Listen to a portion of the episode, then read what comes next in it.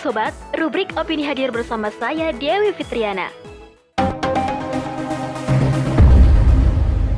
Prediksi COVID-19 dari pandemi menjadi endemi oleh Mariam. Setelah hampir tiga tahun Indonesia dilanda pandemi COVID-19, kini COVID-19 digadang-gadang akan segera menjadi endemi. Bahkan, pemerintah memutuskan untuk melonggarkan protokol kesehatan. Saat ini Presiden Joko Widodo mengeluarkan imbauan untuk memperbolehkan masyarakat melepas masker di luar ruangan atau tempat terbuka. Ramai sebelumnya, Sekretaris Eksekutif 1 KPC PEN Raden Perdede memprediksi pandemi akan berubah menjadi endemi kemungkinan terjadi setelah Ramadan tahun ini.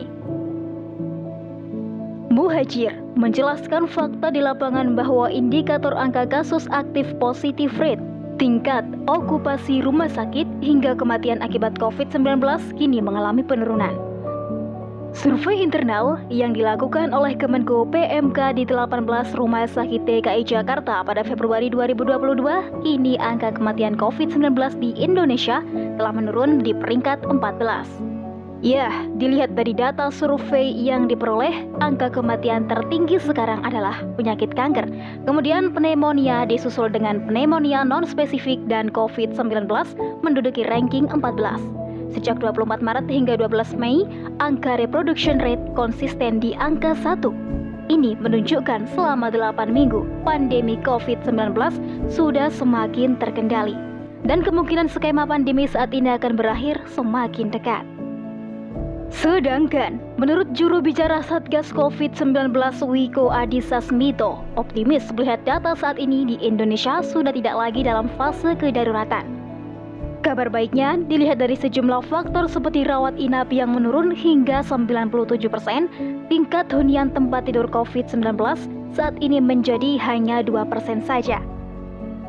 Kemudian kasus kematian COVID-19 yang semakin menurun menjadi 98% dan positif rate nasional kini hanya di angka 0,7%. Siti Nadia Termizi sebagai juru bicara Kementerian Kesehatan menjelaskan bahwa terlalu dini menyebut Indonesia memasuki status endemi. Menurutnya yang lebih tepat saat ini Indonesia masuk pada tahap pengendalian pandemi. Karena memutuskan sebuah pandemi menjadi endemi bukan diputuskan oleh Indonesia sendiri, melainkan harus berkonsultasi dan diputuskan langsung pada Organisasi Kesehatan Dunia atau WHO. Ketua WHO sendiri, menjelaskan bahwa ada dua syarat yang diutamakan untuk membuat prediksi endemi ini bisa terwujud. Pertama, tingkat vaksinasi yang sudah didistribusikan secara merata. Kedua, keparahan gejala COVID-19 varian Omikron tidak separah varian sebelumnya. Sedangkan menurut Direktur Darurat WHO mengatakan titik balik pandemi menjadi endemi adalah tingkat kejadian penyakit harus rendah serta vaksinasi maksimum dari populasi sehingga tidak ada lagi yang harus mati. Dalam sebuah wawancara bersama Karisma Waswani, Presiden Jokowi mengaku bahwa memang ada kesalahan dan kelemahan dalam penanganan pandemi di Indonesia. Mengingat memang sejak dari awal pemerintah sudah meremehkan keberadaannya. Jokowi menambahkan bahwa kelemahan pun terjadi akibat fasilitas kesehatan yang belum mampu dan tidak siap menerima pasien yang membludak begitu banyak. Hingga kematian pernah mencapai 2000 per hari. Ini memang tugas kita untuk memperbaiki reformasi di bidang kesehatan, mengingat fasilitas kesehatan di luar Jawa pun kurang mumpuni. Pun dengan Faisal Basri memandang bahwa pemerintah sejak awal sudah salah dalam mengambil langkah pendekatan dalam menangani pandemi. Seharusnya pemerintah lebih memprioritaskan terlebih dahulu pendekatan kesehatan dan bukan pendekatan ekonomi.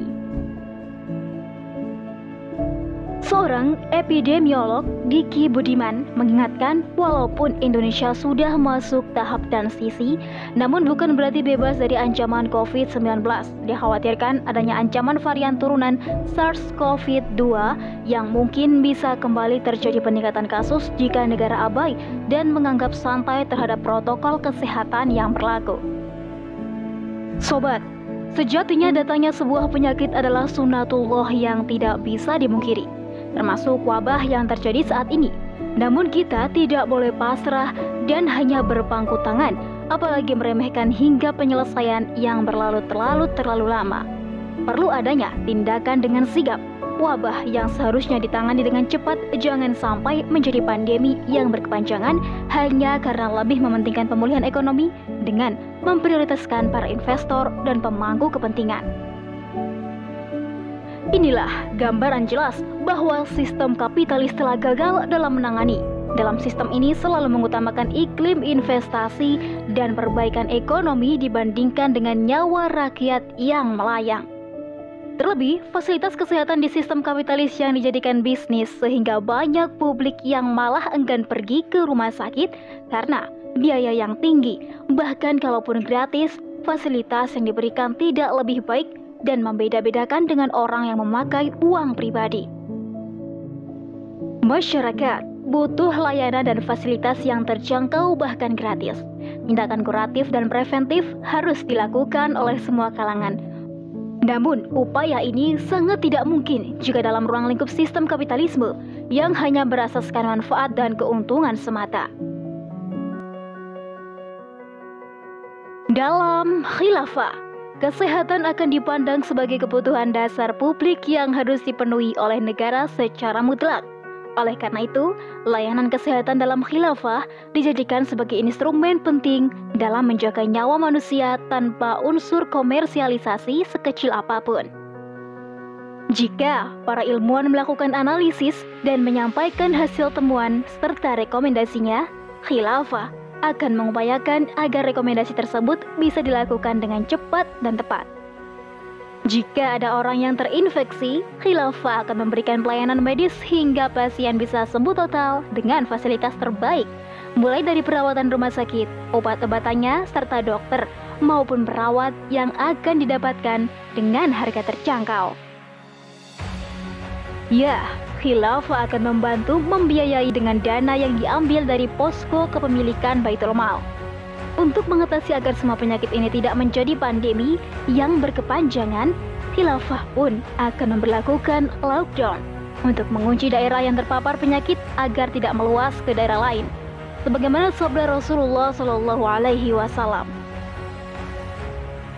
Jika kalian mendengar wabah terjadi di suatu wilayah, janganlah kalian memasuki wilayah itu.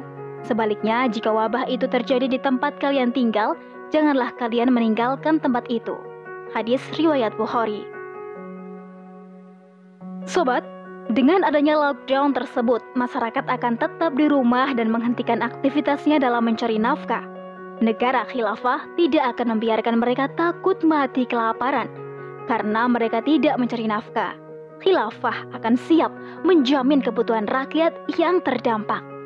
Negara akan mengajami masyarakatnya agar kebutuhan tetap terpenuhi untuk menjaga nyawa dari wabah penyakit yang menyerang.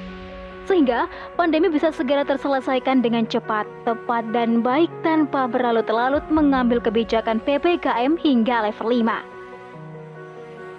Sobat, inilah sebuah sistem negara yang aturan kebijakannya diambil dari Al-Quran dan As-Sunnah ketika pemimpinnya bisa bertanggung jawab dan negaranya berperan penting dalam memberikan solusi terbaik untuk selalu mengedepankan nyawa manusia tanpa terkecuali. Wallahu a'lam.